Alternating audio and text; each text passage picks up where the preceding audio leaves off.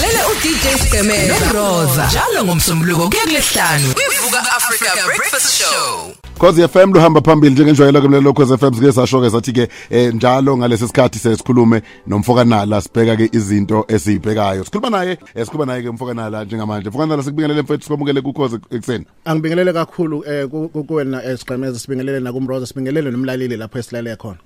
Bese lokusayiqala imali ngikhumbula kahle us- usho ishow yethu yokuqala wayichaza imali njengento ezithunywa. Yeah. sakhubuka nayo sasafika la khona. Kumele kube khona ubudlelwano bakhona phakathi kwayo nemali. Sathi sathi sophinde sithinte Yes. eh, kwesinye isikhathi uhlobo lwamabhizinisi. Mhlawumbe ngiyafisa ke sikhulume ngohlobo lwamabhizinisi okuthiwa awenzi inzuzo ama non profit. Nanokuthi ke angenza kanjani ukuthi umuntu azicije cijele ukuthola ke uxhaso ke lokuthi ke eh, laba business la akwazi ukulithola. Nokuhleleka nje kwale business Yes. uma ukuthi ngifuna uxhaso kalokuthiwa hamba ufuna iphepha lokuthi thola amaphepha lawo akunawo i-NPO eh yini? Ngenza kanjani ukuthi ngihlale ngiready ngilungele khona? Ihluke ngani? Ngoba kuthi isikhathi thola ukuthi khona kuzothiwa i-NPC phinde kube khona u-NPO Yeah. ngiyafisa sifike nakulokho futhi. Yeah, yeah. Aw angibingelele kakhulu bonga nethuba. Ngicabanga ukuthi ke bekubalekile ukuthi ke sikusho lokho eh, singahlonize emoyeni. Kwesinye isikhathi om- abanye abantu bahla- bahleli ekutheni ke akasebenzi umuntu anginawo umsebenzi. Lokho awufuna njalo njalo umsebenzi. Kanti cha Yeah. kuse kusekutheni mhlawumbe khona into uJehova mphe yona eyisiphiwo sokuthi angakwazi kwa ukusiza umphakathi. Kunezingane nje mhlawumbe athola ukuthi ngasendaweni la ekhona ziluvanzi ngesikhathi sesikole abantwanyana abancanyana akekho umuntu obaqaphelayo ungakwazi ubaqoqa kunabanye othola ukuthi uphumile esikoleni mhlawumbe kade enza i-degree yakhe usahlela akaqashekile ongathola ukuthi kunabantwana abaphuma emakhaya lapho khona abazali bengakwazi ukubasiza khona uma bekhulunywa ngama homework awo mathematics awo science awo physics kanjalo kanjalo. So othola ukuthi ukhona uhlezi engabuya abaqoqa egarage la kubo dining room yakubo bahlangane khona kwazi ukuthi abasize. Ngokwenza kwakhe njalo bese kuba khona into ethi ke akasale seyiorganizer lento yakhe ayenzayo yokusiza abanye abantu. Bese izoba ke inhlangano esobe ukuthi iorganization isibizwa iNPO noma ibe yiNPC mayi NPO ihluke kanjani NPO neNPC esingakusho nje kube eh phezulu kokuthi kuhluke kakhulu ngokuthi si register kuphi okunye.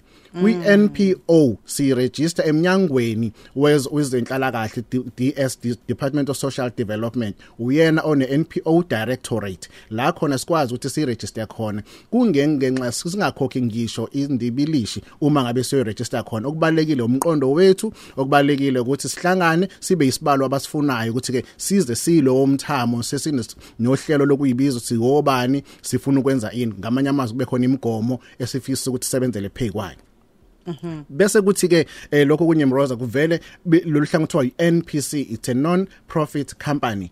Eh kwi non profit company yona si register kwa CIPC uCIPC ila kuregister khona zonke nje izinkampani kodwa uma bese kuza la bashintsha kwakade kuse kwakade kuyithiwa kudala iNGO kwapheni kwaba ama NPCs njengamanje. Section 21 ucover kona kanjalo. So nalapho ke khona kumahluko kusekutheni ke si register eminyangweni wona ozothi uzo register kuthina ngoba sina selethiza izinkampani sinohlelo nokuthi kuyakhokhwa uma uzo register khona. Ngaleyo ndlela ke kukhona into oyikhokhayo uma u register number 2 indlela futhi esibalo sabantu abadingekayo abangenani inani labantu abanokuthi bayiqalise baba bathathu ngapha kwa NP kwa CIPC for iNPC uma ngabe kodwa uya kwa kuiNPO kuiNPO khona kufuneka nize nibe bahlanu ukuze nikwazi niqale so uwona amahluko nje omkhulu. Otherwise mase kusetshenzwa kusetshenzwa ngendlela ethi ayifani kakhulu. U- usalapho nje kancane singaba umndeni sodwa. S- ibongo zifane la kwi-NPC noma kwi-NPO kuthatha lo- lokho kahle kahle bekuyinto engavumelekile nakakhudlwana. Ngenxa yokuthi mangabe kuumndeni owodwa nizoba iNPO kubonala sengazathi ke kunothiswa lomndeni. Kanti inhloso yawo ukuthi sikwazi ukuthi sisizakale kube khona nabanye abantu. Khona into njengokuthi musuqhubekana kune NPO Act ezobe sifuna na- ukukhuluma nange governance si- si- la- ilawulwa umthetho iNPO lowo mthetho lo uzofuna ukuthi kube khona iAGM annual general lokhuza meeting.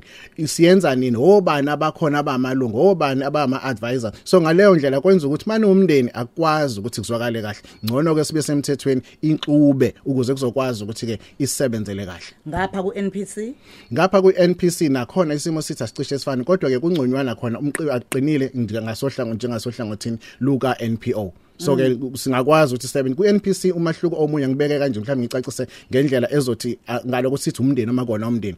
Into ekhona kwi NPC siba ama directors enkampani. Kanti kwi NPO singama founding members ale organization. So masama founding members kungagudluka esandleni sethu noma yinini uma umhlangano omkhulu ungasube khona kuthiwa samfuna umroza njengo chairperson sesifuna manje ukuthi ube sigqemeza uchairperson wethu. Kulula lokho ukuthi kwenzeke bese kuba ukuthi nje gcineni leli komiti lonke asalifuni kanti leli komiti lama founders ligcine liphuma kuba khona abantu abasha cabanga ke yini Kwi- nayiqala NP le kwi- kwi NPO okay ngala kwi NPC cha Kumile. ngisalokhu ngimila athi angikhipha usigqemeza kungaphumi ungaphuma manje kufanele ukuthi iziyojika le phezulu ekhaya elikhulu ku CIPC ukuthi kwenzeke kanjani? Ngiyakuzwa. Iziphi ke mhlawumbe indlela zokuthola imali? Sengirejistile bakithi ngiyawenza umsebenzi ngiyayigada ingane ngabe ngenza lokho engikwenzayo.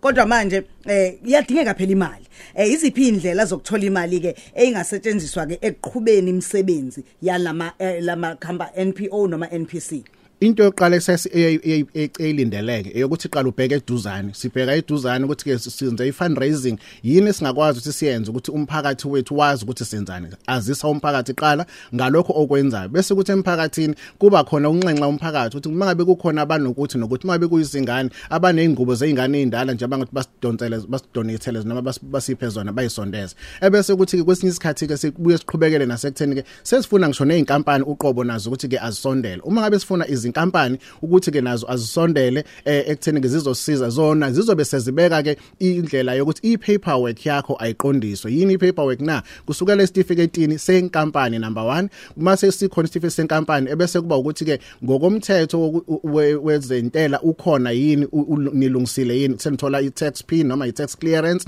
ngoko- ngokokuhleleka kwenu. Uma ngabe ukuthi njenge NPO beningakabi nayo i-tax exemption usuyahamba usuyo applyela ukuthi uthole i-ex- i-tax exemption ukuze kuzothi i-private sector izinkampani zizokwazi ukuthi zizosondela eduze kwenu ukuba zinisize. Ngokunjalo futhi nabantu nje abakhona emphakathini okunokwenzekile mhlawumbe umuntu bekade sanaphuma emsebenzini kwaphuma imali zakhe ezinkulu kangayana ufisile na ukuthi aniphe imali ethize. Akwazi ukuyikhipha ebese thola into engasibe umhlomulo meseyana naye kaSARS ukuthi ke asizakale ngaleyo ndlela. So ke kubalekile kakhulu ukuthi sisebenzise zonke izindlela ze fundraising kokunye kwakho nokuthi sithole sidayisa ngisho izimpahla khona abasipha izimpahla zokugqoka kanjalo kanjalo bese siba ne sale le sale lena siyenzela ukuthi i-crash yethu iya fundraiser yenza ukuthi khona uba nemali yokuthi ikwazi ukuthenga eh, amanye ama toys nani nani nani. Sibe ne sale esithole kuphi impahla siphiwe umphakathi ekuphiwe nomphakathi sashintsha into ephathekayo sayenza inkece sayenza imali. Yasibisi kwasekuba khona imali ngaphakathi kwi NPO hayi uyabona eh, ngicela ukuthi abantu abantu lokho aba- mhlawumbe abanye bayakurekhoda noma bayabhala kodwa bonke abantu bayithola lento eh, okhuluma ngayo. Nayi indaba ethinta ama compliances sefuna ngicomplye ke manje njenge NPC iziphi izinto ezilindelekile ngingayicija kanjani ukuthi ngihleze nje ngicomply? La kwi compliance kubalekile ukuthi Mroza sibheke ukuthi lokho engikwenzayo ke sithi for example nginekhaya labadala ikhaya labadala imuphi umnyango olibhekile kakhulu. Uma ngabe ngi- nginekhala labadala ngamanye amazwi um- umnyango wezempilo ungibhekile. Umnyango wezempilo ngasohlangothini lo- lwakwa health department of health at the same time nakwezenhlala kahle social development ungibhekile. Ngale kwalokho ke bese kuba khona ke leminyango kezongibheka ngawokuthi ke ngithembekile nekuyiphatheni imali zami. So ngaleyo ndlela ke angiqikelele ukuthi ke okufunwa u Department of Health ngenza sure ukuthi lezo zinto zabo ngizenza ngendlela efanelekile. Uma ngabe kuba khona futhi izimo lapho khona kufanele ukuthi kucheckwe indaba zo first aid and so forth yonke le nto sizenza ngendlela efanelekile kuba sebenzi bethu na ngokunjalo nakulabo bantu ngokunjalo nase clinic no, rather nase crash uma sikhuluma nge crash nayo ngokuphelele kumele futhi ithembeke eh ngoba uso- oso- osonhlala kahle uma befika bafuna ukubona izingane zisina inani elithile ngangokwendawo esikuyona. Uzothola ukuthi kuthiwa ingane eziwu40 nokuthi ube nazo la kodwa umuntu usenengane eziwu60 ngaleyo ndlela lokho sekuyalimaza ubudlelwane bakhe nomnyango obhekene naye ekutheni ke eh, abheke labo bantu ababhekile. So ke kubalekile ukuthi ke siqa- siqaphele lapho. Ebese kuthi kakhulu ngilokho ngiyiphinda phindile ke le. Abantu baye bacabanga ukuthi uma ngabe ngine NPO noma iNPC automatically sengino tax exemption. Cha uma ngabe unalokho wena okusamele ukuthi ukwenze kumele uphinde uyo applyela eceleni. Ukuba wena ukhululwe noma uyithole unom- uno- u- kunomusa omayelana netax kuwena income tax uma kuza ngasohlangothini lomnyango wezentela. Umnyango wezentela iwona okunikeza icertificate emva ukuthi wena uzi applyele qobo for leso certificate Hayi siyabonga kakhulu. Ngicabanga ukuthi eh sifundeka olukhulu namhlanje. Sesiyaqonda ukuthi kuphi okufuneka masikwenze. Eh ziningi izinto ohlezi usiphathele zona ikakhulukazi izifundo ngezezimali. Uma sithi vuka uqonda ngezezimali ngesonto lizayo. Eh mm, isi- uke washo ukuthi uya- uzobe ubuka kakhulukazi eh, labo abasebenza njengama freelancers. Eh ekuthenini imali zabo mhlawumbe umuntu angakwazi kanjani ukuthi azibeke ngendlela eright. Rosa mfethu Ya, Mthiya, example awunanga uMthiya, Mthiya usebuyile. Mthiya siyayisondeza lento nakwena Mthiya le mali awulethe mfowethu lethe bafo. siyayiletha ngoba manje into ekhona abantu abasebenza njenganani isikhathi esiningi kuthiwa zibheke wena. Yeah. njengoba kuthiwa Yebo. zibheke wena kufanele sibe nendlela yokuthi sizana kanjani ukuthi uzibheke ngendlela ezokubhekelela uma kufika isikhathi sokuthi awusakwazi ukugijima iba ngokwazi ukuligijima so yilokho engifuna ukuthi ngikhulume ngakho kakhulu ku- ngeviki el- el- elandelayo Ulalela uDJ Skemen noRosa njalo ngomsombuluko kuya kulesihlanu. Ivuka Africa Breakfast Show.